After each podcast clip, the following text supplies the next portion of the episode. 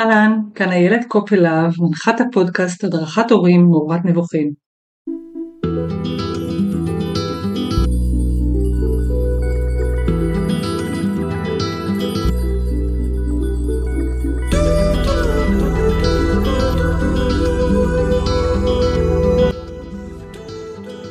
אני מדריכת הורים בכל שלבי ההורות מאז שנת 2005, מלווה החל מההיריון כמכינה ללידה, מלווה לידות, בעיקר בעבר, מדריכת הנקה וכמובן מנחת הורים לילדים בכל הגילאים.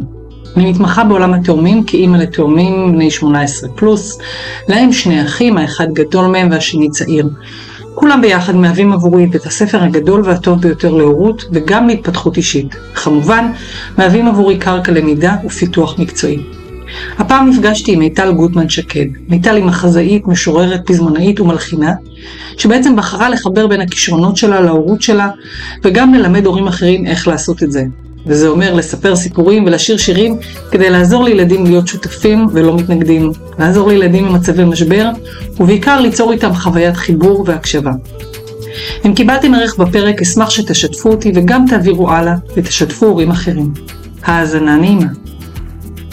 אהלן מיטל, בוקר טוב, מה שלומך? בוקר טוב, בסדר גמור, מה שלומך? ברוכה הבאה לפודקאסט הדרכת הורים אורת נבוכים. Uh, הפודקאסט uh, מעלה תכנים בנושאי uh, הורות מגוונים, ומשהו הפגיש בינינו לדבר על ההורות מזווית אחרת לגמרי, שסקרנה גם אותי בשיחה המקדימה איתך. אמ, בוא נגיד שאני אפילו בעצמי לא יודעת מה תהיה הכותרת. תהיה כותרת, כשזה יעלה לשידור כבר תהיה כותרת, אבל אני ברגעים האלה עדיין מלאת סקרנות. אה, לאן תיקח אותנו השיחה הזאתי? אה, כי ככה אני יכולה לשתף את המאזינים שנשמע שיש לך באמת עולם מאוד מגוון, עולם פנימי וגם עולם חיצוני, מאוד מאוד מגוון, מאוד אה, יוצא דופן, וזה מעניין אותי ככה לשמוע גם באמת אה, אה, ולהשמיע קול קצת אחר, כי בעולם שלי של נשות מקצוע, כן, זה תחומי ההיריון, לידה, הנקה, הורות, כזה מאוד דידקטי הרבה פעמים וסביב נושאים מאוד מסוימים, והמפגש בינינו הוליד משהו חדש גם עבורי, וזה תמיד מסקרן אותי ואני שמחה שזה גם פה בפודקאסט הזה. אה, אז בואי, בואי נספר למאזינים, מה, למה אנחנו נפגשות? כאילו, מה את רוצה לספר? זאת שאלה אה, יפה וטובה, שאני גם לא בטוחה שאני יודעת לענות עליה עד הסוף ככה בדיוק, אבל באמת בשיחה שלנו הרגשתי שאנחנו, שיש לנו על מה לדבר, אה, אז לספר בעצם על עצמי, כאילו... כן, כן, קודם כל על עצמך, מה את עושה, okay. אוקיי. וככה משם נמשיך ונסביר לאנשים מה, על מה אנחנו, אנחנו עומדות לדבר פה היום בעצם. בסדר גמור. אה, אז אני, נעים מאוד, אני מיטל, נשואה, אימא לשלושה ילדים, אה, אני מחזאית מוזיקלית, אני כותבת, אה, משוררת, פזמונאית, מלחינה, ואני גם קריינית ומדבבת מעל 20 שנים, ובשנתיים פחות או יותר האחרונות אני לקחתי גם כובע נוסף, כנמרולוגית אה, טיפולית. אז אלה הכובעים שלי, הם מגוונים, לפעמים הם נראים לא קשורים והם הכי קשורים, בסופו של דבר תמיד הכל איכשהו מתקשר ביחד. אה, אני חיה ונושמת את הילדה שבי, שבתוכי. מבחינתי, קצת נשארתי בחשיבה שלי, ילדה בת ארבע, המזלג זה תמיד נראה לי אשתו של הסכין, והכף זאת אימא של הכפית, והבצ'כי זה הברכיים של הידיים. אז תמיד החשיבה שלי היא קצת שונה וקצת אחרת, אה, והגדרת יפה שאני חושבת שהרבה פעמים גם במפגשים שלי עם העולם, אני נתפסת כאילו מה היא עושה בעצם, זה לא ברור כל כך, אה, וזה כל הקסם גם כנראה, שזה לא ברור, וזה העולם של הילדים, שהוא אין לו גבולות, אין לו את ה... את כמו שאמרת שהכל צריך להיות, הכל מאוד מובנה, בסופו של דבר אנחנו ילדים, אנחנו גדלים, יש תהליכים, יש דברים כאלה. אה, אז אני רואה את הצד השני, אני מאוד אוהבת להקשיב אה, לך ובאמת לכל ה... אה, לכל האנשים שמגדירים, כאילו שעוזרים לנו לחיות בחיים האלה כאן בכדור הארץ, אבל אני כנראה קצת אה, נמצאת במקום של המעבר, של ההשראה, של הדמיון, ו, ואז זה משלים אחד את השני, כי זה יוצר איזשהו קסם, אה, רגעים כאלה שהם הם הופכים את העולם למשמעותי יותר, למעניין יותר, למסקרן, לאחר, לשונה.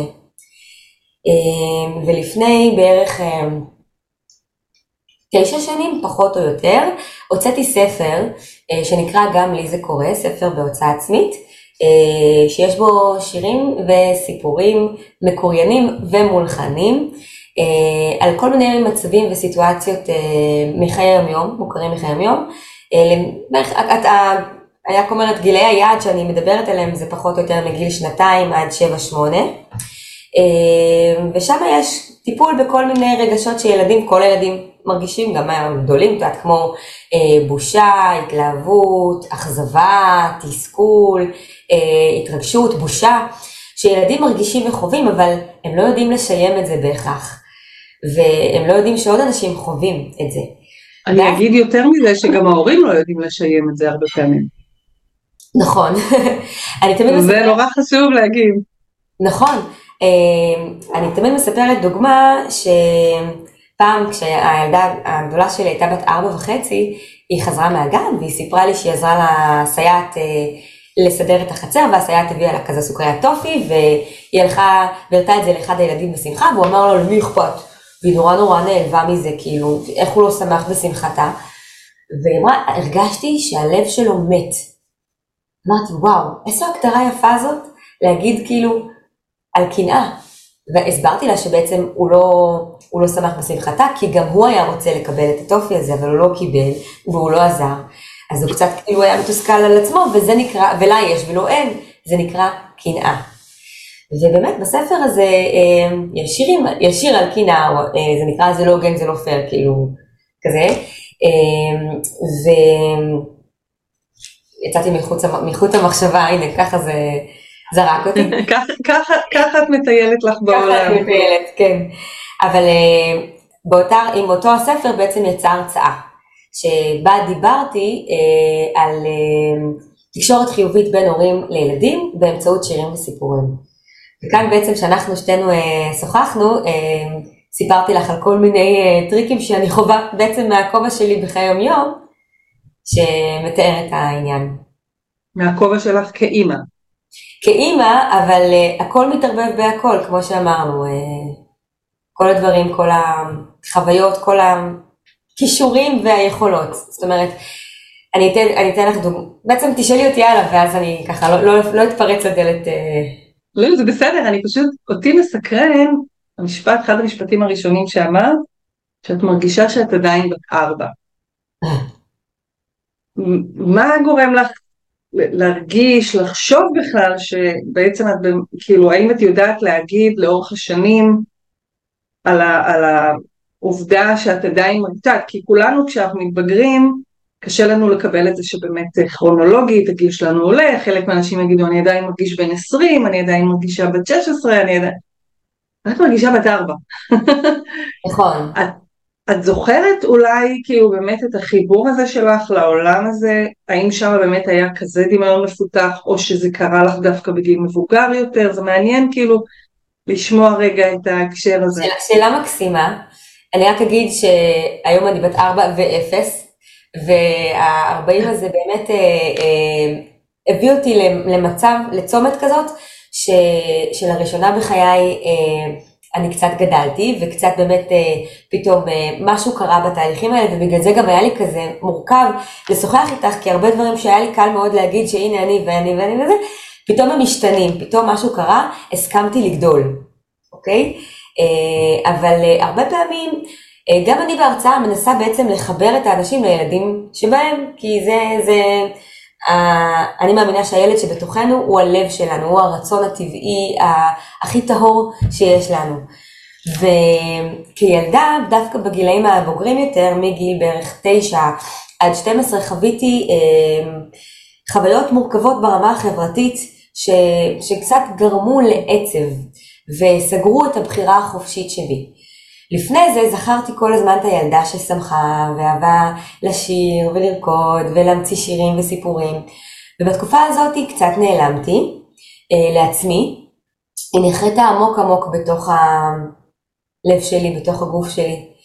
וכשהיא הסתיימה, לקחתי באקסטרים את הילדה ההיא ופשוט שמתי אותה מקדימה להוביל את עצמי עד הסוף. זאת אומרת, בתקופה שהיה לי קשה, הדבר שעשיתי זה ישבתי וכתבתי ושרתי ובעצם התחברתי לכל הפן היצירתי והאומנותי שלי. וכשיצאתי מהתקופה הקשה, אמ, הייתי צריכה ללמוד להכיר את עצמי מחדש, אבל ידעתי דבר אחד, מהיום אני בוחרת מה אני עושה. אני בוחרת את הבחירות שלי בחיי, אני מקשיבה ללב שלי. וזה היה ממש נר לרגליי, וזה גם משהו שמופיע בכל. היצירות שלי, אם זה מחזות, אם זה שירים, אם זה החינוך שלי, תמיד תמיד תמיד להקשיב ללב. והלב זה, כמו שאמרתי בהתחלה, זה בעצם הילדה, הילדה הזאת היא בת ארבע, שעצרו אותה פתאום, באמצע החיים. אז אה, זה הכוח המניע, ו... והרבה פעמים באמת זה גם מתנגש לי בדברים, כי בתור אימא את צריכה לחנך, את צריכה להיות אימא, את צריכה להיות... בואי נדבר על זה באמת, כי אני חושבת שזה קצת מתחיל באמת ל... ל... עכשיו אני כזה אומרת, אוקיי, האימא שמקשיבה לנו עכשיו, היא אומרת יופי, היא ילדה והיא עושה בחירות, אבל יש לה ילדים. כאילו, נכון. צריכים, זאת אומרת, לשים גבולות ולחנך, ו... לגמרי. האם יש פה דיסוננס, או אולי דווקא הזמנה מעניינת להתחבר לילדים? כלומר, יש, יש היום שיח בחברה שאומר, אה, זה בסדר להתחבר לילדים גם ממקום ילדי, לעשות שטויות, ליהנות. יש איזה מין אמירה כזאת שאומרת, אז הילדים לא ייקחו אתכם ברצינות. לא, להפך, הם יודעים שהבן אדם שלידם הוא גדול והוא חזק ויש לו יכולות, אבל אולי יש פה באמת איזשהו עניין באמת של חשש לא, לא, לא סביר אולי או, או לא מוצדק, מה, מה את מרגישה בהקשר הזה באמת כאימא שהיא נושאת את הילדה בת הארבע? בהתחלה עפתי על זה, קודם כל התשובה היא, נתחיל מהתשובה מהסוף, גם וגם. אין כאילו משהו שהוא רק זה, יש לזה יתרונות ויש לזה חסרונות. בהתחלה עפתי על זה, באמת כמו שאמרתי יש לי שלושה ילדים וככה כשדיברנו שיחה מקדימה אז גרמתי לחשוב מה כל אחד מהם בעצם מביא לחיי. אפשר להגיד שהילדה הגדולה אה, העניקה לי את ההשראה. פתאום כשהיא נולדה חזרתי להיות בכלל תינוקת, כאילו חזרתי ל, ל, לכל מיני דברים שממש עפתי על, על האימהות הזאת והיה לי מאוד מאוד כיף והחזירה אותי באמת, אה, בזכותה יצאתי לעצמאות והתחלתי אה, לכתוב על ההורות, על, על, על, לכל המילים שהיא עברה, על כל הדברים, הסתכלתי כאילו מהעיניים שלה והתקשורת בינינו הובילה לכל, לספר, להכל, להשראה. הבן האמצעי שלי הוא אה, על הספקטרום, נמצא, ב, הוא אוטיסט בעצם בתפקוד גבוה, והוא כבר העביר אותי לפאזה אחרת, מורה של החיים, אה, והוא לימד אותי על כוחה של הסבלנות ועל אמונה גדולה וחזקה. אה, וזה כבר הפך להיות פחות fun, אבל הרבה יותר עם אחריות ועם סבלנות. והקטנה שלי, אה, שהיא פלפלית כזאת, נמרצת, היא כבר אה, באמת אה, הביאה אותי לשלב של להסכים לגדול, שזה אומר לפתח חוסן ולהציב גבולות ולדעת באמת אם את רוצה להצליח את צריכה בסופו של דבר גם להתקרקע קצת יותר ולחבר את כל הקצוות בקיצור. ולהתבגר גם קצת אולי. להתבגר, בטח, כן, כן, הכל ביחד, להתבגר ביחד. אז, אז המסע הזה עובר עם כולם, וגם, אז זה מסע כאילו פנימי, חיצוני, הוא, הכל משתלב והכל, זה כל כך מקסים, ובאמת בגלל שאני אה, אומנית, אז אני תמיד בעיניים של מתבוננת, אני מסתכלת איך הם חווים את זה, איך אני חווה את זה, איך אני אחשוב על זה, איך, זה, איך אני אזכור את זה. אמ, ובוא נחזור רגע לילדה, אה, להיות אימא ילדה זה מצד, זה מצד אחד מאוד כיף, כי את... הכל חוויה, כל דבר מלהיב אותך, כל דבר זה סיפור, אה, כל דבר זה, זה כיף, כל, כל אתגר את פותרת בצורה שילדים מבינים ובקלות. ועל זה בעצם... תני לי דוגמה. תני לי דוגמה. אמ, דוגמה. אמ, יש לי מלא, אני מנסה לחשוב את הדוגמה הכי... אה, אה, דוגמה שכשאימא שומעת אותך או אבא שומע אותך עכשיו ואומר אני רוצה באמת לפתור את זה, כי זה רעיון מדהים לחיבור. בסדר? אחד הדברים שאני מלמדת אנשים זה בסך הכל נגיד ילד עשה משהו או מתקשה במשהו שאנחנו לא מבינים את ה... לא מצליחים לפתור, אנחנו בעצמנו הופכים להיות מתוסכלים ויש פה הזמנה מקסימה באמת להתחבר לילד ממקום באמת שלו, נכון. כדי ליצור שם איזושהי, איזשהו גשר. אז, אז תני לי, מצידי כמה דוגמאות, אבל שאנשים... אוקיי, אני אתן לך טריק, אני אספר על הטריק. בעצם זה מה שדיברתי אז בזמנו על ההרצאה. בעצם אני קוראת לזה שוס. שוס זה שירים וסיפורים. אנחנו, יש לנו את התדר של המבוגרים, אנחנו חושבים ומדברים. הילדים, בתדר שלהם הם מרגישים ומדברים, וגם יש להם איזה שהם מצבור זיכרונות או ידע מצומצם, זה לא פשוט להם תמיד לתמלל. עכשיו, כשאני אומרת לך בואי תיכנסי לראש של הילד כדי לדבר איתו, זה לא תמיד קל לך כי את אחרי עבודה, ואת עצבנית, ויש לך כביסה וכלים, ואיך עכשיו תיכנסי, אצלך מלא סבלנות, יצירתיות וכאלה. ברגע שאת לוקחת את הכלי של, השיפור, של השירים והסיפורים, את בשניות בעצם אה, מתחברת לתדר של הילד. אם אני אגיד עכשיו לילד שלי בוא תפנה את הצלחת, אז הוא יסתכל עליי ככה ויגיד לי תכף, במקרה הטוב, או שלא לא, לא, לא יקשיב לי. אבל כשאני אומרת... כן, הלך. והצלחת נשארה. אבל אם אני מתחילה, בוא, תת, אני מדברת שוב על הגילאים הקטנים, אני מתחילה לתת לזה קצב, אנחנו יוצרים איזשהו שיר, קורה משהו. זה, זה מפעיל במוח את, ה, את הפעולה של ההנאה וההנאה, אה, ומשהו כאן קורה. או לדוגמה, נגיד, אה, זה דיברתי על שיר, אה, אם הילד שלי מפחד ממפלצות, ואני יכולה להגיד לו בתדר המבוגר, אל תפחד ממפלצות, אין דבר כזה, זה לא קיים, ואני יכולה לספר לו על ילד אחד שממש כמוהו גם פחד ממפלצות. אתה יודע מה קרה לו?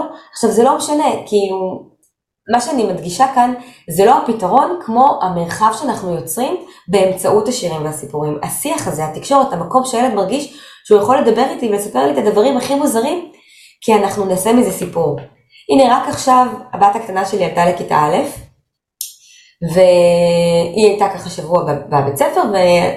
ורשמנו אותה גם לצהרון. וזה היה לה מאוד קשה, קשה, מעברים בכלל, זה נושא גדול, מי כמוך בטח יודעת, ילדים מאוד קשה עם אה, מעברים, כמובן שאפשר תמיד להשת... להקריא סיפורים וספרים וזה עוזר. ואני סיפרתי לה סיפור שאני ככה מתלבטת עם, עם למלא את הזמן שלנו בסיפור הזה, אבל uh, תגידי לי אחר כך את אם תרצי, משאר שאת יצרת? לא, לא, זה סיפור, יש לי אוסף בלתי נדלה של סיפורים עם מסר. אבל סיפרתי לדעת... כן, כן. סיפורים שיש להם אוקיי. פאנץ', שיש להם מסר על כל דבר. אז סיפרתי לה סיפור על שינוי, על המוכנות לזרוק משהו שאנחנו נתלים עליו, נאחזים בו, ופתאום אנחנו מגלים עולם שלם רק כי הסכמנו לשחרר אותו. זה היה המסר, זה היה סיפור מורכב.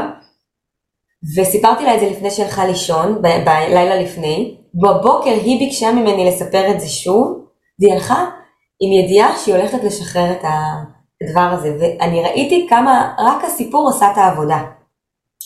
אז אה, יש לזה כוח עצום באמת, אה, גם עבודה על רגשות, נגיד סתם, ניקח את הסיפור כיפה אדומה, שאני הכי לא, לא מתחברת אליו, אבל לצורך הדוגמה כולם מכירים את הסיפור הזה. הילדים מפחדים על כיפה אדומה, הם, הם כאילו יושבים ובמתח מה יקרה לה, אבל הם לא באמת פוחדים, הפחד הוא פחד עקיף, זה פחד מדומה. הם חווים את הפחד אבל הם יושבים עכשיו מוגנים ומקשיבים לסיפור, והם גם בוחרים עד כמה להיכנס אליו, את יודעת, לפי המצב שהם נמצאים בו. אז זה עוזר לתהליכים, ואת יודעת מה הילדים הכי הכי אוהבים, וזה הטיפ אולי הכי גדול שיש לי להורים? כשאין לכם סיפורים ואין לכם כוח ואין לכם מה להגיד, תמציאו שכשאני הייתי בגילכם, ילדים מתים על הסיפורים לשמוע שכשאימא הייתה קטנה. זה פשוט מטריף אותם, הם כאילו, קודם כל הסיטואציה שאימא הייתה קטנה, שאבא היה קטן, האבא הגדול הזה, הוא היה פעם קטן, זה מצחיק נורא. והם גם, וזה נורא מעניין, מה, מה היה כשהוא היה קטן, איך הוא היה ילד? אני יכולה לספר שיש לי כבר ארבעה ממש גדולים, צעיר שלי הוא בן 16 וקצת, חצי, וכש... עולים הנוסטלגיות, אצלנו כבר זה אה טוב, ואז הם מספרים פה במקומו את הסיפור, נגיד בעלי הקיבוצניק, אז בכלל הם מתענגים על הבתי ילדים ועל העניינים עם המטפלות וזה, וזה ממש כמו איזה, איך אומרים, אה, סיפור אה, מורשת קרב כזאתי, שמחזיקים, וזה כאילו, זה סיפור שהם כאילו ממש אימצו הרבה פעמים אפילו אומרים, אבל אבא, אתה גם היית עושה ככה וככה. נכון. כאילו, בשביל להצדיק לעצמם אולי שטויות שהם עושים או משהו כזה. נכון. אה, וזה באמת, אני, אני מסכימה, הסיפור האישי הוא מאוד מאוד מחבר, אני יכולה לשתף שאת מכירה את הספר גן הבוכים? כן, בטח. את מכירה ספרים, אני לא צריכה להתפלא. ו... וזה היה ספר שהקראנו לבן שלנו, הגדול, שהיה לו מאוד קשה ללכת לגן בלי, בלי לבכות. כאילו זה היה הסיפור שלו, הבכי הזה לפני הגן, ו... ופשוט במשך תקופה ארוכה, וזה גם כן איזו שאלה שאני אה, רוצה לשאול אותך, אבל תקופה ארוכה בעצם פשוט עברנו על הספר הזה עוד פעם ועוד פעם ועוד פעם, והמחזתי אותו ועשיתי קולות, וכאילו, ו... ופשוט היינו מספרים אותו בדרך אפילו, ואני שואלת את ככה, את עצמי, כי אולי זה גם מה שהורים מוטרדים ממנו, אוקיי, אז שרתי שיר פעם אחת, ושרתי שיר וסיפרתי סיפור, ושום דבר לא השתנה. נכון? הרי זה העניין הזה שאנחנו, הורים נורא רוצים אינסטנט. עכשיו סיפרת סיפור נורא יפה על הילדה שלך, שערב קודם סיפרת סיפור, למחרת, קסם, היא הלכה והכל היה סבבה. איך את עוזרת להורים להתחבר לזה שברור שהם צריכים לעשות שם תהליך, כי זה לא עובד בהכרח כמו איזה מטה קסמים, צריך פה לעזור לילד להתחבר לרגש, להבין שזה מה שהוא מרגיש, אה, אה, לשמור עליו מהבחינה הזאת שאם זה הרגע שהוא רוצה להחזיק כרגע זה בסדר, כאילו נכון. אתה עצוב שאתה נפרד מאמא, אז אתה עצוב, אתה לא יכול עכשיו פתאום, הופ, לשנות את זה ולהיות פתאום בוגר ולהבין שאתה תפגוש את אימא בעוד חמש, שש, שבע שעות, כאילו אז איך מחזיקים את זה ליותר זמן, את השירים האלה, ולא מתעצבנים, ולא מאבדים סבלנות, ולא מתוסכלים? אין לי תשובה אה, מוחלטת לזה, אני רק יכולה להגיד לך שזה איזשהו תדר שאנחנו מחזיקים כאן, הגיע אורח, אה, זה איזשהו תדר שאנחנו מחזיקים כאן, אה, תדר של, שהוא יוצר שמחה, שזה בעצם נקודת המוצא. אמ, אני חושבת שזה זה, הכי קל לרדת לעצב ולרחמים ולבאסה, ובאמת כמו שאת אומרת, אנחנו הרבה פעמים גם, זה בסדר להיות עצוב והחיים מובילים אותנו למקום הזה ואין מה לעשות, צריך להרגיש את זה, אבל אם אני, אם, אם אני חוזרת בסוף לבית שהוא שמח, ואני חוזרת בסוף למקום הזה שממלא אותי בשירים וסיפורים, אז יש לי גם כוח של דמיון. והנה אני מספרת לך ממש עכשיו סיפור שקרה אתמול עם הבן שלי. הוא בימים האחרונים יש לו חלום שהוא לא נעים, שהוא חוזר שוב ושוב ושוב ושוב ושוב. ואמרתי לו משהו שאני הייתי עושה כשאני הייתי ילדה, והיום אני יודעת שמלמדים את זה אה, בשיטות של NLP או דברים כאלה. אני ממש מהאינטואיציה הייתי תמיד לוקחת את הסיטואציה, ואז או שהייתי משנה אותה למשהו עם סוף טוב, או שהייתי ישר אה, מחפשת איזושהי מחשבה שישר אני בורחת עליה, נגיד אני אוכלת גלידה. ואז כל פעם שאני מרגישה על החלום הזה, אני עוברת לזה. אני בעצם נותנת להם, ואני מספרת לך את זה, והוא על הספקטרום, והוא עדיין הבין את זה, ואני מספרת לך את זה כי העולם הזה של החיים כמחזמר, שאנחנו פה מלא, באמת מלאים בשירים וסיפורים, הוא נותן להם כלים מעצמם, מעצמם, מתוך הדמיון, לחשוב על מה עוד יכול להיות. אני חושבת שאם אני הייתי צריכה להגיד מה המקצוע הכי חשוב שצריך ללמד בבית ספר, זה חשיבה יצירתית. זה לצאת מהקופסה. זה לחשוב מה עוד יכול להיות. זה לא שיש לי ככה או ככה, חייב להיות עוד משהו. ואם אני מאמינה בזה, אני אמצא. זה נמצא בתוכי, זה בי, אני יכולה לברוא את זה. אני חושבת שזאת המיומנות שאני מנסה. אני לא אומרת להם פתרונות. גם אמרתי לך, אני לא פסיכולוגית, אני לא מנחת ילדים, אני, אני בעצמי נעזרת בזה. אני, אין לי את הפתרונות, אבל יש לי את הדרך ליצור, שהיא עוזרת גם לי כהורה, על הפתרונות, על החשיבה היצירתית. אה, אין לך ככה, אז נעשה ככה, אז אולי נעשה ככה. לדעת שאני עם תושייה, שאני לא חסרת אונים, תמיד יש לי איזושהי יצירתיות חשיבה שיכולה לתת לי עוד קו מחשבה. נו, קדימה, מה, מה, מה אני יכולה עכשיו לחשוב? מה יכול להפעיל את זה? והסיפורים והשירים בהחלט נותנים את ההשראה ואת הכר דשא, את ה, כאילו את המקום הזה לפרוח, ו, ו, ואם אנחנו מתאמנים על משהו זה על החשיבה הזאת. אני אפילו משחקת איתם באוטו, זה משחק, בטח חלק מכירים, אני שואלת מה יוצא דופן? תפוז, בננה, תפוח, מכירה את זה?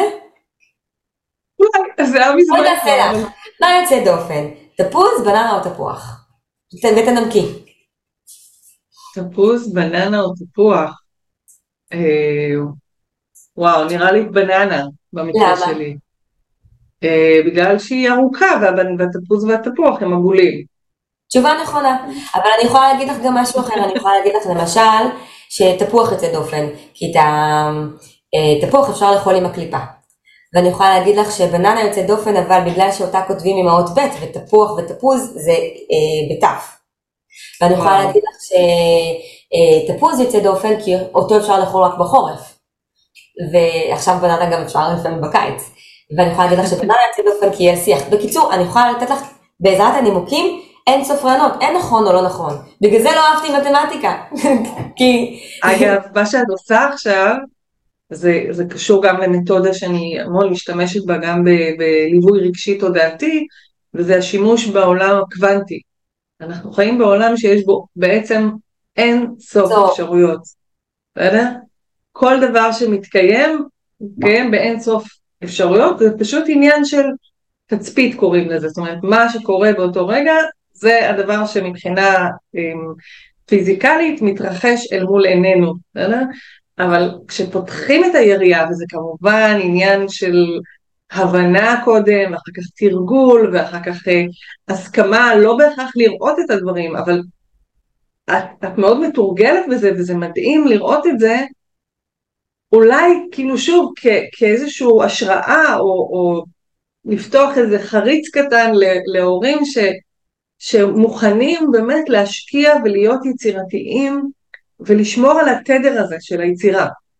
כי זה גם עניין, כן? כי כמו שאמרת קודם, הורים באים, מעייפים, אחרי יום עבודה, אה, כלים, לבשל, לעשות כביסה, כל הפעולות השגרתיות, התבניתיות האלה, ובעצם את אומרת ומציעה דבר מופלא, תפתחו את זה. זאת אומרת, אפילו את הכביסה תעשו בשירה, כן? סתם עכשיו אני כאילו... זה לגמרי ככה, כי אה, כשאת את אמרת משהו נורא נכון, הכל עניין של פרשנות. כששאלת אותי איך, אז, אז איך אנחנו מפתחים את, את העניין. קודם כל, מי כמוך יודעת, זה, זה, אה, התנהל, זה דוגמה אישית שלנו, איך אני מתנהלת, מה אני עושה. אה, ו, ויש את מודל אפרת, שזה כאילו אירוע, פרשנות, רגש ותוצאה, נכון? אה, אז, בתגובה, כן. אז, אז זה בדיוק זה, זה, זה בדיוק הדבר הזה שתמיד אני מסתכלת מה עוד יכול להיות, מה עוד יכול יותר להתאים לי. וברגע שאני מאמצת את ה... נגיד, את השיר, אני לא יכולה לזייף, תרתי משמע, את התדר. אה, זאת אומרת שאני אוטומטית כבר נכנסת לתדר של הילד, גם אם אני, אני עכשיו חושבת על החשבון שאני צריכה לשלם למס הכנסה. זאת אומרת, אני ברגע שאני שרה, יש לי קשב, אני כבר בתדר שלו. ילדים, הם ממש יודעים להקשיב ל... ל... הקשב שלהם הוא עמוק. הם לא מקשיבים למה שאנחנו אומרים, הם מקשיבים לאיך שאנחנו מרגישים. ובגלל זה כשאני שרה את הדברים, אה, או מספרת אותם, אז הסיכוי שלי לזייף קטן. אני, נכנס, אני בעל כוחי נכנסת לזה, פשוט נכנסת לזה. ואני תמיד נתתי דוגמה בהרצאה שלי שאני יכולה לשיר, אה, שאני יכולה לשאול את הילד איך היה היום בגן, והוא יגיד לי בסדר, ובוא נלך להתקלח, ובוא נלך להתקלח, ואני סופרת עד שלוש, אחת, אחת וחצי, שתיים, והוא לא בא ולא זז, ואני יכולה פשוט להגיד לו אחת ושתיים ושתי ידיים, אני לוקחת אותו לזה, ואז הוא מתקן אותי, זה לא המילה של השיר, ואז אני אומרת לו, אז מה המילה? והוא מתחיל לשיר, והוא מתחיל לשיר את זה יותר מהר ויותר מהר, ואז הוא אומר לי, את יודעת שהיום בגן, ופתאום הוא מספר לי על איזושהי חוויה עם ילדה, ופתאום יצא פה שיח, והוא התקלח, והוא חזר למה שהוא עושה, ואני סיימתי לקלח אותו, אבל, ואני חזרתי למה שאני עשיתי, אבל נוצר פה רגע קסום, של תקשורת אמיתית, שבאמת קרתה באמצעות השיר הקטן המסכן הזה שסתם זמזמתי, והוא תיקן אותי. ובכוונה טעיתי נגיד במילים, או לא בכוונה, זה לא משנה, זה לא משנה. ושוב, לא צריך פה להיות uh, זמר, ולא צריך להיות uh, מוכשר או יצירתי. תשאירו מבחינתי את השיר האחרון של הפרסומת ששמעתם ברדיו, כאילו, לשיר. זה פשוט מעלה, מעלה, מעלה. נוצר פה באמת uh, דרך כלי מאוד, אה, שוב, אני חושבת שרוב האנשים אוהבים מוזיקה כזו או אחרת, לא משנה, אפשר להזמין אותם באמת לשיר כל מה שהם אוהבים, זה לא חייב להיות דווקא... לא שירי דיכאון, כן. אה, גם, את יודעת, מה זה שירי דיכאון? זה שוב, בעניין של טעם, ואם אתה שם את זה בבית, ו... אה, נכון. שוב, אפילו בשביל לתת איזשהו ככה קצב, בסדר? לשים משהו ברקע ולהשתמש בזה הרי כל העניין הוא באמת, כשאת אומרת אה, אה, החיבור לרגש, זה בא מעולם של תקשורת מקרבת. שבשביל שאפשר יהיה להיות בתקשורת, צריך להתחבר לרגש. וזה הדבר, כי, כי אנשים חושבים שתקשורת זה רק מה אני אגיד ומה הצד השני שומע, זאת אומרת, כאילו, מקיים או לא מקיים את מה שאמרתי. אבל זה בדיוק העניין, שזה נשאר ב-level מאוד מאוד אה, ככה שטחי ולא יורד לעומק של מה שאנחנו רוצים בשביל שיהיה שם חיבור.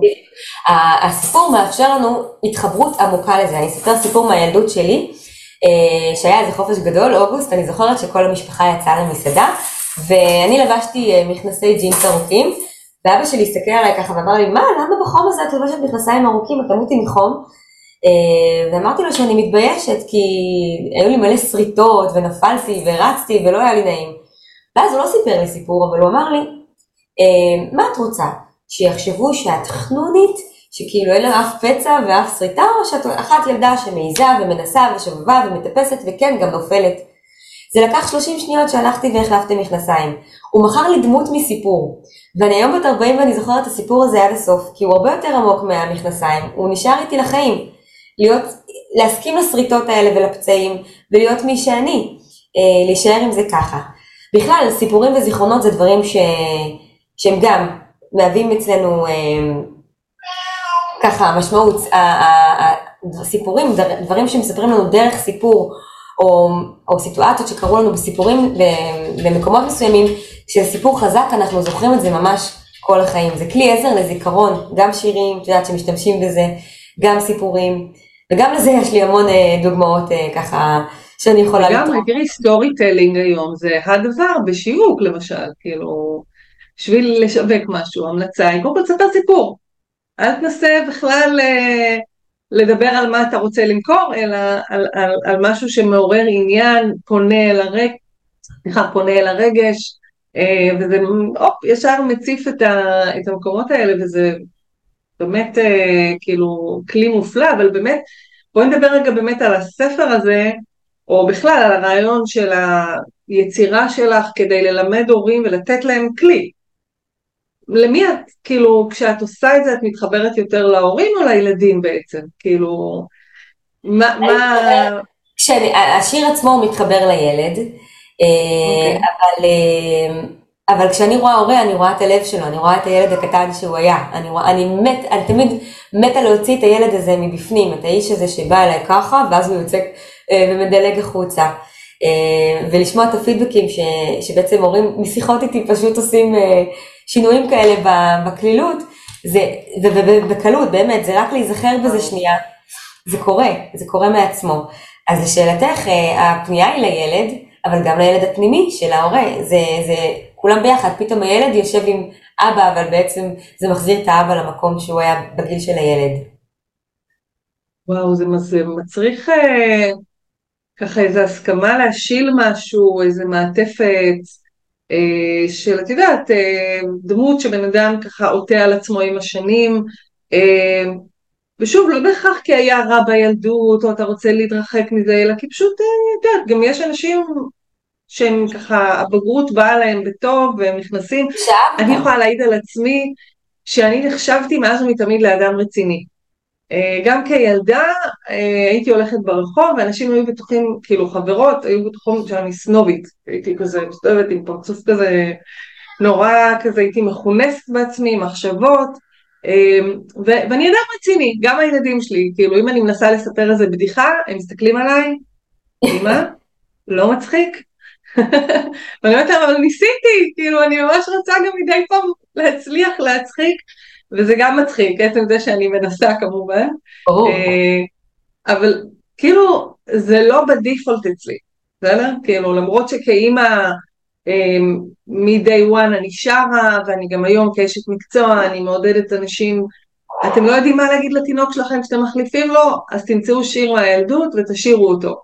אה, כאילו תמציאו שיר על האיברים של הרגליים, של הגוף, כן? הנה רגל, הנה רגל, הנה יד, הנה יד, כאילו תמציאו משהו, העיקר תתקשרו עם הילד. בדיוק, אני תמיד מספרת שהתקשורת, השירים והסיפורים היו מאז שאנחנו נולדנו, אנחנו פונים לילד בהתחלה אנחנו מדקלמים לו דקלום, אה, בוא אליי פרפר נחמד, אנחנו ממש מספרים לו משהו, ואחר כך אנחנו ממש מסדרים לו את סדר היום, שעכשיו בוקר, בבוקר, בנכון, ואחר כך בשירי ארץ שהולכים לישון, ממש עוזרים לו אה, דרך התכנים להבין את העולם.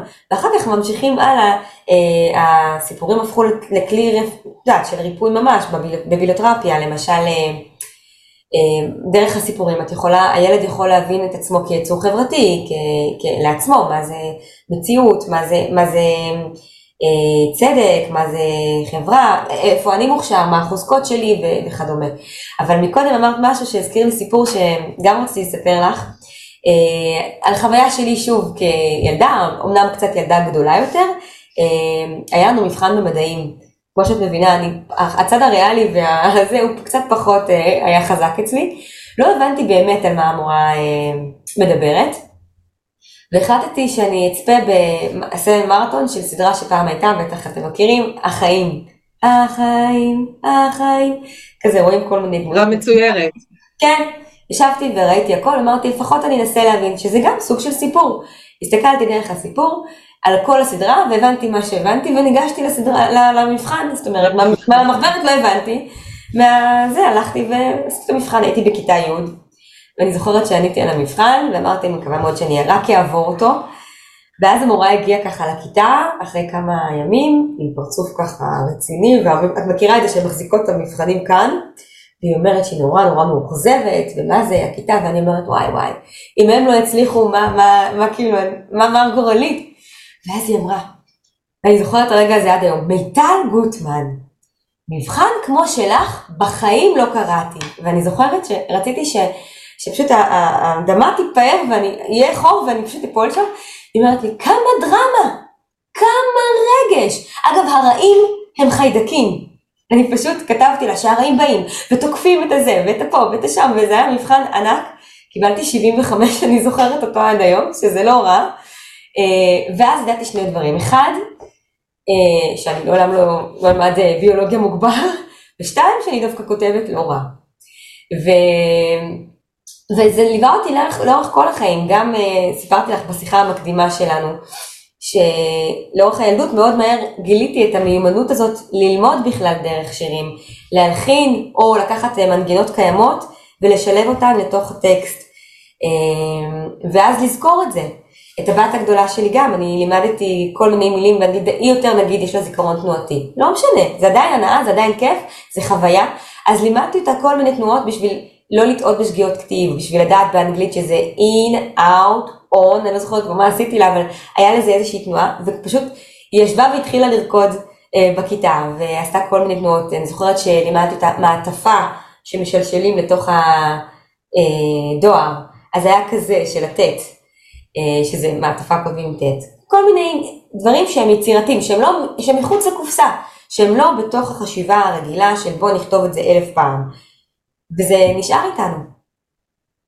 וואו, תקשיבי, הביטוי הזה לחשוב מחוץ לקופסה, אה, מאוד בעייתי בעולם שלנו. אה, את יודעת, מערכת החינוך אה, מאוד מאוד...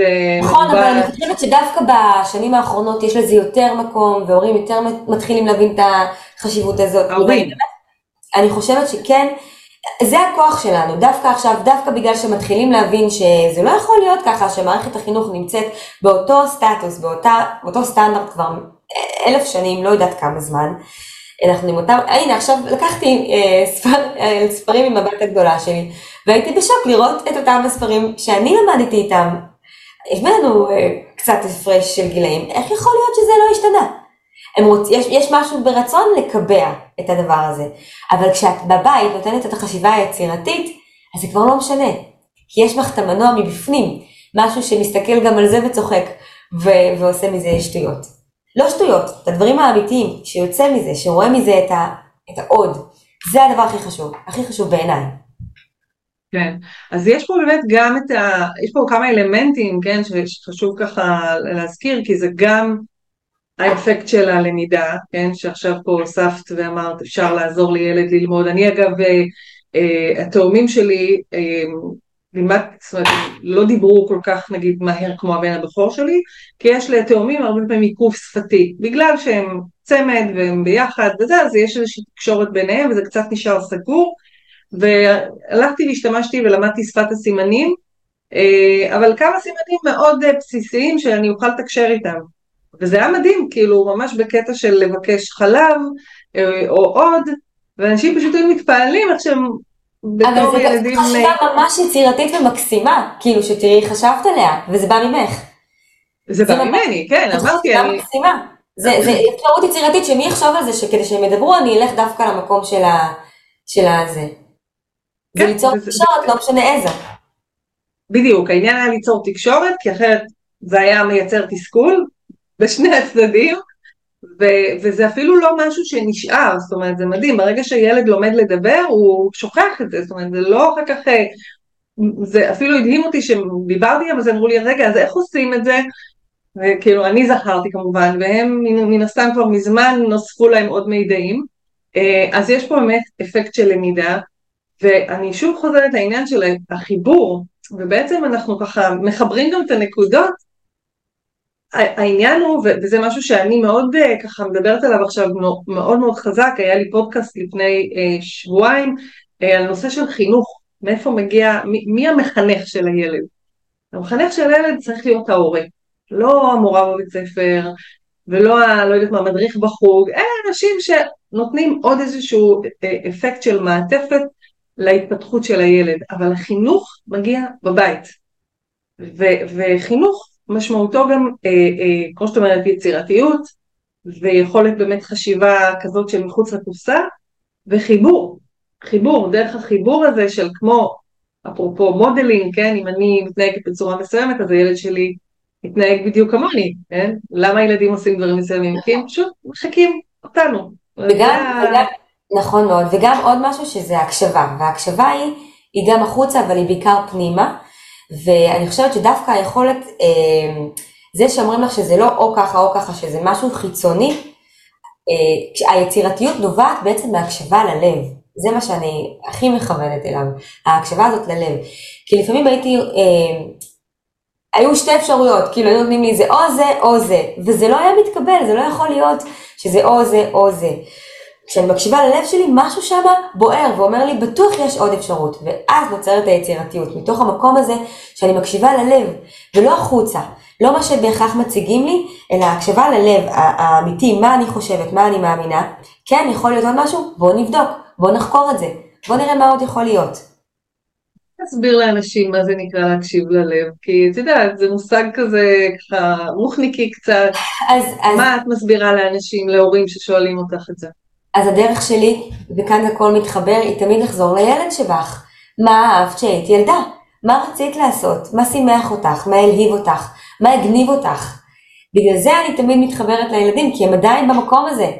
ואני רוצה שהם ישמרו עליו טוב, טוב, טוב, טוב. ואתם ההורים, תחזרו רגע למקום הזה שהייתם בו. תחזרו, בהרצאה שלי הייתי עושה תרגיל בפתיחה של ההרצאה, תרגיל שהיום הוא די מוכר, אבל אה, שוב, זה היה לפני הרבה שנים, אבל אני אתן אותו כאן, מי שרוצה יכול אחר כך לעשות אותו בזמן שלו. פשוט לשבת ולחשוב על עצמנו, בפגישה עם עצמנו בני ארבע, לראות ממש מה לבשנו, איפה היינו, זה יכול להיות על מגלשה בגינה, זה יכול להיות בבית, זה יכול להיות בכל מקום. לזכור את עצמנו, לראות ממש לפרטי פרטים כמה שניתן, את, את השיער, את הבגדים, את, את הכל, ולהגיד משהו, להגיד אולי מילה שרצינו לשמוע ולא אמרו לנו, אה, אולי רק לחבק אפילו, לעודד, להזהיר, מה, מה, מה אנחנו עושים עם הילד הזה? מה אנחנו רוצים להגיד לו? זה רגע שהוא מאוד מחבר, הוא מאוד אותנטי, הוא מאוד מרגש, אנשים היו יוצאים מהתרגיל הזה עם דמעות. ככה הייתי מתחילה את ההרצאה, הייתי צריכה קודם כל להתחיל מנקודת מוצא, כולם פה בני ארבע, כן? כי בני ארבע זה גיל קסום, זה גיל שאין לו, אין לו, הוא כבר לא מנומס, אין לו את המעצורים האלה להיות בחברה, זה לא, לא לעניין, זה לא ראוי. הוא וכן, עדיין לא מנומס. עדיין, כן. אז, אז יש מין שובבות כזאת שכמובן אנחנו עם הגדילה שלנו כבר יודעים לווסת אותה ולראות מה, מה בסדר מה לא, אבל יש פה איזושהי העזה שקצת הלכה לנו לאיבוד. קצת הלכנו להרבה, אני חושבת אבל דווקא שאנחנו במקום טוב היום, שהרבה מההורים, לפחות בני הדור שלי והלאה, כן כבר קמים ורואים את המעבר ורוצים לחפש את, ה, את החוזקות של הילדים שלהם, כי הרי כשאת מחוברת ללב, את בחוזקות שלך. את עושה את מה שאת טובה בו, מה שאת אוהבת. כן, זהו, אבל זה באמת מבלבל, ושוב, אני, אני ככה משמיעה את הקול הזה, שאת אמ, יודעת, רוצה להיות בסדר בהרבה היבטים. אה, וצריך פה, את יודעת, אם אני פוגשת אפילו אימא ממש בתחילת דרכה, שנולדו לה רק עכשיו, אני מלווה הרבה תאומים, אז האם הם אוכלים מספיק, האם אני נותנת להם מספיק, אם כואבת להם הבטן אז אני, אני, איך אני פותרת את זה, אם אני פותרת את זה נכון, יש שם מקום מאוד מאוד ככה, אני יודעת, כאילו מבוהל וגם רציני נורא, ו, ובעצם אני חושבת על מה שאת עושה, אם אפשר כבר אז לקחת את זה ולהקליל את זה, כי, כי בעצם הדברים יקרו, תמיד אני אומרת להורים, הלוואי והייתי יכולה עכשיו לעזור לכם רגע לפתוח חלון הצצה לעוד אפילו שלושה חודשים, אני כאילו לא מדברת איתם על עוד עשר שנים, שלושה חודשים ואתם תסתכלו אחורה ותגידו וואו לא יאומן כמה היינו אבודים וכמה היה לנו קשה ו... כי אני באמת הרצון הוא רגע לעשות את הקפיצה הזאת הקוונטית ולדעת שמבחינה ליניארית הזמן לא עוצר, כן? כאילו הוא ממשיך אבל השאלה איך אנחנו עוברים את הזמן הזה באיזה, באיזה state of mind. זה האיך הזה, זה להקליל, להקליל. עם uh, האימא הזאת שנורא מוטרדת uh, מהכאבי בטן של הילד, תשאיר לו שאוי כואבת לי הבטן, או שהיא תספר לו שגם לה ממש כאבה הבטן, uh, היא זוכרת שהיא הייתה קטנה. אני תמיד צוחקת שאני מספרת כל כך הרבה סיפורים לילדים שלי, על דמויות שאני ממציאה, ואז נגיד באה הילדה שלי ואומרת, אה, זה כמו מה שסיפרת לי על, על גילי, אני אומרת לה, מי זאת גילי? כאילו אין לי מושג אפילו על מה, אבל כאילו, יש משהו ש, שכשאנחנו משלבים בתוך החיים שהם באמת כבדים והם שואבים, הדבר שאת מספרת, זה לא שזה לא קורה גם לי, אני גם מאוד מוטרדת, גם אני אה, בתוך כל העשייה הזאת, אבל אני כל הזמן חושבת מה, איך אפשר להרים את זה, לשמח את זה, וגם לא בלחץ, מותר לי להיות עצובה, מותר להם להיות עצובים, מותר להם להיות אה, כאובים, אבל שוב, כשהבסיס הוא שהכל בסדר, ובסופו של דבר, החיים שלנו בעצמם הם סוג של הצגה, הם סוג של סיפור. אנחנו כותבים אותו. אנחנו אלה שיוצרים אותו. אז אנחנו יכולים לקחת את האחריות הזאת, להגיד, אוקיי, היינו עצובים, אבל פתאום משהו קרה. להביא משהו שפתאום, ש, שכאילו, בכל זאת יוציא אותנו מהמקום הזה, ואני חושבת שמה שתורם לזה זה הרבה מאוד אמונה בעצמנו, בחיים, לסמוך על החיים, שהכל בסופו של דבר בסדר. ו, והכל בסופו של דבר, כמו שאמרת, יזרום כך או כך. ואפשר לעשות את זה בצורה השבלונית הרגילה, ואפשר לשים איזה שיר, כשהילד, אה, באמת, כולנו מכירים את הסיטואציה, עכשיו אנחנו נמצאים בתחילת שנה, הפרידה הכל כך כואבת מהילדים. אז אנחנו עשינו לזה איזשהו טקס, שאני עשיתי, את יודעת, כל פעם עשיתי עם ילד אחר משהו אחר, כאילו, שוב, מה שזורם לי ובאמת מתאים לילד, אבל נגיד עם אה, הבת הקטנה שלי שעכשיו הלכה לכיתה א', אז אה, המצאתי לה איזשהו אה, מין כזה טקס קטן עם כיפים ושיר נחמד, ואז אני הולכת, הפרידה היא לא תהיה ממני, היא תהיה מהחלון, אני עושה לה שלום, ואני מצחיקה את כל הכיתה ממש, אני עושה כאילו, ונעלמת, זהו. ואז היא צחקה והלכה, וככה אני יודעת שהיא נשארה עם חיוך. ברור, להישאר עם משהו כמו לפני שינה, זה כמו שאני נותנת למשל תרגיל לכתוב הודיות, בסדר? אז זה להישאר עם התדר המסוים הזה, זה באמת להישאר עם התדר שאימא נפרדה ממני כשהיא הצחיקה אותי. נכון. שהיא עשתה לי איזה משהו, ואני עכשיו מסתכלת עם התמונה הזאת בראש שלי, לפחות לעוד איזה 20 דקות. נכון. אה, ואולי אפילו כשאני רגע אזכר שאני מתגעגעת, אז אימא פתאום תעלה לי לראש עם התמונה שהיא מצחיקה. היא מחייכת, זה בדיוק מה, ש... זה בדיוק מה שאמרת מקודם, התדר הזה, על לזכור, הדוגמה האישית, זה אחרת אם עכשיו היא תבכה ואני אשב אליה ואני גם אבכה ואני אראה לה שאני בוכה. הילדים מרגישים אותנו. כשאני מראה להם שהכל בסדר, אז היא תדע שהכל בסדר. אני הייתי שמחה, צחקתי לה, היא תסמוך על זה שהכל בסדר. אם אני אהיה עצובה, היא תגיד אבל גם היא עצובה עכשיו. וזה מתחיל שרשרת כזאת בלתי נגמרת. אז אני צריכה לקחת את האחריות על הסיפור הזה, ולהגיד הסיפור הזה עכשיו, היה לו, היה לו, היה לו תדר עצוב, באמת זה נורא עצוב, וזה באמת מאוד מרגש, זה עצוב, זה מפחיד, זה חדש, זאת התחלה. אבל ההתחלה הזאת היא נורא גם מסקרנת. בואי נראה מה עוד יכול להיות בהתחלה. מה עוד יכול? כן, זה כל כך, אה, שוב, זה, אפשר כל הזמן באמת לעשות את הזום אאוט הזה, באמת, לחיים בכלל. אה, ואמרת נכון, העניין הזה אנחנו כותבים את סיפור חיינו. אה, אנחנו באנו לפה, אני מסבירה את זה להורים, למסע של התפתחות, של צמיחה, של גדילה, של התנסויות, וגם הילדים, אגב, אנחנו גם לא יכולים לקחת את זה מהם, כן? כשקורים דברים, הם קוראים להם. זאת אומרת, מה שקורה להם זה לא קשור אלינו, אל ההורים. יש פה איזשהו גם עניין בלזכור את המרחק הזה שיש בינינו לבינם, שהוא קשה לתפיסה כשאנחנו כל כך רוצים לקחת אחריות על הרגשות שלהם, על הדברים שלהם, וזה מסוכן, כי זה בדיוק המקום שבו הם, הם בסוף, כמו שאת אומרת, לא יודעים להתחבר לעצמם ולבדוק מה נכון להם ומה לא נכון להם.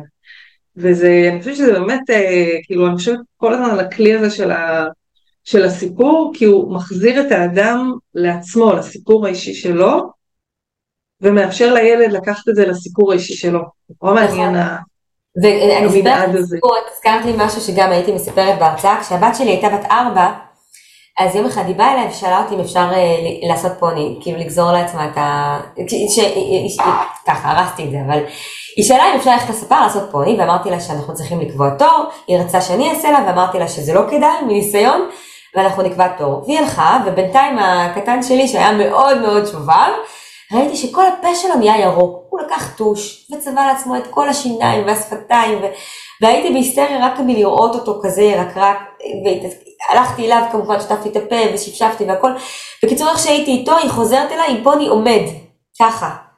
ככה, קצוץ, קצוץ בצורה הכי בולטת ובלתי ניתנת להתעלמות. עכשיו האוטומט שלנו זה לצעוק, מה עשית? תראי איך את נראית, למה לא חיכית? נכון? זה הסיפור עכשיו, שאני מעבירה אליה, והיא הייתה מבסוטית. אני נשמתי עמוק, אני, לא, אני רק רוצה להבהיר שזה רגע מוצלח בחיי, אני לא תמיד ככה, זה לא משהו שאני גאה בו, אבל באותו הרגע הצלחתי לקחת את הנשימה הזאת, להגיד אוקיי, הוא בסדר, אוקיי, נפנה אליה, לשבת בחדר ולהגיד לה תקשיבי, פעם הבאה כדאי שבאמת אולי נלך לספר, והשיער יצמח, אמרתי לעצמי, אוקיי, השיער יצמח, זה לא משהו שהוא זה. כשהלכתי איתה לגן יום למחרת, הילדים התייחסו, היא הלכה רגיל, היא לא, לא היה לה שום סיפור, שוב, הסיפור פה יכל להיות מאוד גדול, כי הייתה יכולה להרגיש חסרת ביטחון, כי הרי מה שאנחנו מספרים לילדים שלנו והתגובה שלנו, זה הופך להיות הסיפור שלהם. ו... והיא הלכה רגיל לגמרי, והכל היה טוב, והילדים קיבלו אותה רגיל לגמרי, הגננות לא הבינו מה קרה לילדה. ואני סימנתי להם שהכל בסדר, כאילו, בוא ננפנף את זה. והנה, היום היא כבר גדולה, צמח לה פוני. אז זה רגע מוצלח, אבל זה מה שאני רציתי גם להגיד, שכאילו, יש לזה חשיבות מאוד גדולה, כמה שאנחנו מצליחים להשתדל, זה קשה אני יודעת, אה, אבל כמה שאנחנו מצליחים כן להשתדל למצוא את ה... את איזה סיפור, איזה זיכרון אנחנו משאירים מכל הדבר הזה, איזה זיכרון עוצמתי הולך איתנו, מה אנחנו זוכרים מכל זה בסוף. כן, טוב, נשמע שהסיפור של הצבע בפה היה כנראה הרבה יותר עוצמתי, אז אה, כאילו עוד היית בצבע ו... ו... כן, אני, אני ממש, הוא הסתבר, היא דיברה איתי על הפוני, והיא דיברה איתי, ובאמת, איבדתי את הקשב, כי פתאום ראיתי שם משהו ירוק מהלך וזוהר, וזה גם רעיל, ונורא נורא נלחצתי, הוא היה קטן, וזה העסיק אותי, העסיק אותי, ואז, את יודעת, כאילו גם כהורה, את לא יודעת למי לפנות קודם, היא עם הפוני שלה, והוא עם הצבע, את אומרת, אה! אז זה כזה. את רוצה לספר ככה בדקה שתיים על הנומרולוגיה הטיפולית? איך באמת את אומרת שהכל בסוף מתחבר? מה, איך את עובדת עם הכלי הזה? זה מדהים. Uh, את שאלת אותי על הילדה שלי ו... ואיך זה קורה. את יכולה לראות במפה האישית שלי שכמעט כל המפה שלי מורכבת ממספר אחד, ספרה אחת שנקראת שלוש, שזאת ספרה של הילד. הילד יש את האחד שהוא האבא, שתיים שהיא האמא, שלוש הוא הילד. שבא לשמח, שבא להקליל, ושהוא מזמן לעצמו דווקא את הסביבה שהוא צריך לשמח וצריך להקליל, ושהקשיים שלו הם באמת בהצבת גבולות. והנה, סיפור חיי נפרס לפנייך. אבל אה, דווקא כאימא, אה, את יכולה להסתכל על המספרים של הילדים שלך ולראות מה הם בעצם מבקשים ממך, איזה הורים הם מבקשים שתהיי. אה, וכל ילד מבקש ממך להיות אימא אחרת לגמרי עבורו. מה הוא צריך ממך, מה התכונות שלו, מה החוזקות שלו, איזה חוגים אני אתאים לו לפי החוזקות שלו, מה אני יכולה להתאים לו ולדרוש ממנו, מה יעשה לו שלווה ושקט, ומה מה אפשר לשחרר. Uh, הנומרולוגיה היא עולם, היא, היא סוג של מפה שאנחנו לא חיים על פיה, אנחנו נעזרים בה כדי להיות מדויקים יותר, כדי, uh, כדי לחיות בקלילות, בתדרים שהם באמת, uh, אני תמיד מתארת את זה בשבילי הנמרולוגיה זה כמו שאת נכנסת לשטוף מכונית, הנה עולם הדימויים. ככה אני תמיד מדברת, וזה תמיד נכנס לילדים, כי מטאפורות ודמיון וצלילים, זה אוטומטית נכנס לילדים. אבל זה, זה מרגיש לי תמיד שכאילו אני נכנסת לשטוף את המכונית, אז יש את המכונת שטיפה ואת צריכה בעצם להתכוונן, ואז את יכולה לשים על ניוטרל, וזה פשוט אוטומטית נכנס ונשטף. זה מה שהנמרולוגיה, המפה הנמרולוגית אה, או ייעוץ נמרולוגי עושה. זה פשוט מכניס אותך להיות במצב הטבעי שלך, לכוון אותך. כי החיים מסיחים את דעתנו, ואנחנו כבר לא זוכרים מי אנחנו ומה אנחנו רוצים, ו- ופתאום קשה לי קצת כאן, ואני בצומת דרכים שם, אבל כשאני שוב מסתנכרנת למי אני ומה אני, אז אני צריכה פשוט להיות בניוטרל והדברים קורים לי. ובאמת, זה מסביר הרבה מאוד דברים והרבה מאוד דאגות שסחבתי על עצמי, שפתאום הבנתי שהכל בסדר, והרבה פעמים אני פונה לנמרולוגיה כדי לבדוק לעצמי, כאילו, למה זה עכשיו קורה לי, מה אני צריכה לעשות, מה אני צריכה לחזק, איך אני עובדת עם תדרים נכונים של היום, של השנה, של הילדים שלי. אז אה, זה פשוט כלי עזר, אה, קביים נחמדות אה, לחיים האלה. שהן עוזרות להיות באמונה ובשמחה ו... ובמין שלווה שכזאת. כן, זה, אני מבינה עכשיו את העניין של ההקללה שאת מדברת עליה באישיות שלך, בפנים שלך, ובאמת uh, למרות שנומרולוגיה יכול להיות מאוד רציני אצל אנשים. כן, אבל, אבל גם, את יודעת, אני אפילו יכולה להשתמש בזה במחזות שלי. אני רוצה שהדמות הזאת, אני צריכה לשאול את עצמי, ממה היא מפחדת, מה מניע אותה, מה היא רוצה. אני יכולה ישר, אפילו עוד לפני שאני מאפיינת אותה, להסתכל על המספרים ולהגיד, אה, היא 371, אני אעשה לה ככה, וזה. אני יכולה כאילו לבנות את האישיות אפילו דרך זה. אז הכל קשור. כן. וואו, מעניין. כן, איזה, איזה חיבורים. וואו, כי הכל בנוי תקשורת בסופו של דבר. אם, אם משהו שאנחנו צריכים לצאת מהשיחה הזאת, זה המילה שצריך להקשיב לה זה תקשורת, והתקשורת היא קודם כל עם עצמנו, עם הילד שבנו, עם הלב שלנו, ואז החוצה, כדי, כדי לתקשר את עצמנו החוצה ולהתאים את זה כמובן. וואו, אני חושבת שזה היה סיכום מופלא באמת ככה להורים, ש... כי זו הייתה שיחה באמת, אה, אני ככה מדמיינת אותה, כאילו באמת נכנסתי קצת לאיזה עולם uh, של סיפורים, uh, את יודעת, עם נצנצים, וכאילו ממש הכנסת אותי לאיזושהי חוויה סיפורית, לא שגרתית, כן? כי זה כזה, באמת, לדבר הרבה פעמים פה בפודקאסטים, זה דברים מאוד רציניים וחשובים, ו... חשובים מאוד. זה חשוב מאוד גם הדבר הזה, לאפשר את הדבר הזה ש... אנחנו בטוחה, כל הורה מדבר איתי על זה, כאילו כמה הוא היה רוצה לקחת בקלות סיטואציות, לא, לא, לא, לא להיכנס למקומות של אה, באמת גם תסכול והלקאה עצמית וגם אה, כעס ורגשות קשים על הילד. אה, ו, ויש פה באמת ככה איזה מין הזמנה, פשוט רגע לפתוח איזה צוהר או איזה דלת קסמים כזאתי ופשוט להסכים להתמסר לדברים המופלאים שמגיעים משם, כי ברגע שבאמת נותנים לעולם הדמיון להתחיל לעבוד, אה, אז אה, ככה, אז, אז נראה שהכל יכול לקרות. נכון, וזה לא חשוב, זה לא צריך להיות דווקא סיפורים, אפשר לצייר איתם, שהם יציירו, שאנחנו נצייר, רק להתחבר לילד שבאנו ולתת לו, לאפשר לו שנייה רגע לעשות שטויות. לעשות שטויות, ו... ובאמת כאילו לאפשר לדברים נראה לי הכי טהורים להגיע, הכי אמ, אמיתיים שיש, בלי כל השכבות והכיסויים שיש נכון. של... זה בדיוק האמיתיים, זאת המילה, זה האותנטיות הזאת, האותנטיות שקצת הלכה לאיבוד. אה, כי אנחנו כל הזמן חושבים מה יגידו אלינו ומה יספרו עלינו ולהיות בסדר ולהקשיב לכל המוסכמות ואני צריך וצריך להרוויח כסף ואיך זה ואיך זה פה ושם. אני חושבת שהכוח הכי חזק שלנו הוא דווקא מהאותנטיות שלנו, כי אין עוד אחת כמוך, ואין עוד אחד כמוהו, ואין עוד אחד כמוני, וזה מה שמאפשר לכל, לשפע הגדול להיות, כי זה מה שמעניין בעצם, אם נהיה כולנו אותו דבר. מה זה מעניין? אם אותן התשובות יהיו או אחד או שתיים, מה זה מעניין?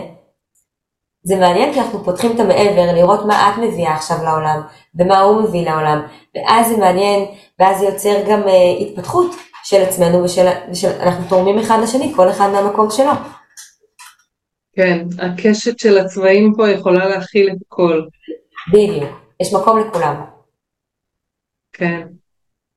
וואו, מיטל, אני מרגישה שלקחת אותי לסיור בארץ האגדות, ואני ממש אה, פה רואה סביבי אה, פיות מעופפות וככה נצנצים, אה, וזה ממש כיף, כאילו אני מודה לך מאוד על ההזדמנות הזאת, אני מודה לך. לעולם הסיפורים והשירים וזה, שזה באמת כאילו, לכאורה, את יודעת, שוב פעם צריך לחשוב על זה וזה, אבל ברגע שנכנסים לתוך זה, אני, אני אסיים בדוגמה שאימא אחת מהרצאה שעשיתי פעם אמרה לי שהילד שלה לא חזר מהגן והוא בקושי הצליח ללכת והיא כזה רוצה ללכת הביתה והיא אומרת לו נו נו נו ואז היא פשוט נזכרה בהרצאה ואמרה, התחילה לעשות לו שמאל, ימין, שמאל, שמאל, ימין, שמאל ובסוף היא רצה אחריו.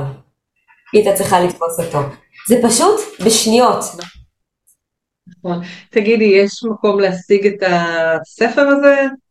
את הספר שלי, אה, גם לי זה קורה, אפשר אה, להשיג דרכי, אה, דרך הפייסבוק, לקשר, אפשר להשאיר פרטים, זה אפשר להשיג שם. ובנוסף, מי שרוצה, בספוטיפיי יש גם חומר חינמי, שזה טיול בדמיון, זה בעצם מדיטציה לילדים לפני השינה, שהיא גם לוקחת אותם לדמיון ומרדימה מאוד מאוד יפה, חומר מרדים חזק, אז לא בנהיגה, רק. לילדים אולי. כן. כמובן, מי שרוצה מפות נומרולוגיות, אה, אז אה, גם בשמחה. מעולה, אז אנחנו כמובן, אה, כל הפרטים מופיעים בתיאור, ואנחנו, מי שירצה ליצור איתך קשר, אז יש את כל ה... אנחנו נשאיר את כל הפרטים ליצירת קשר איתך. שוב, המון המון תודה. תודה לך. נתת לי שמחה לבוקר הזה. להתראות.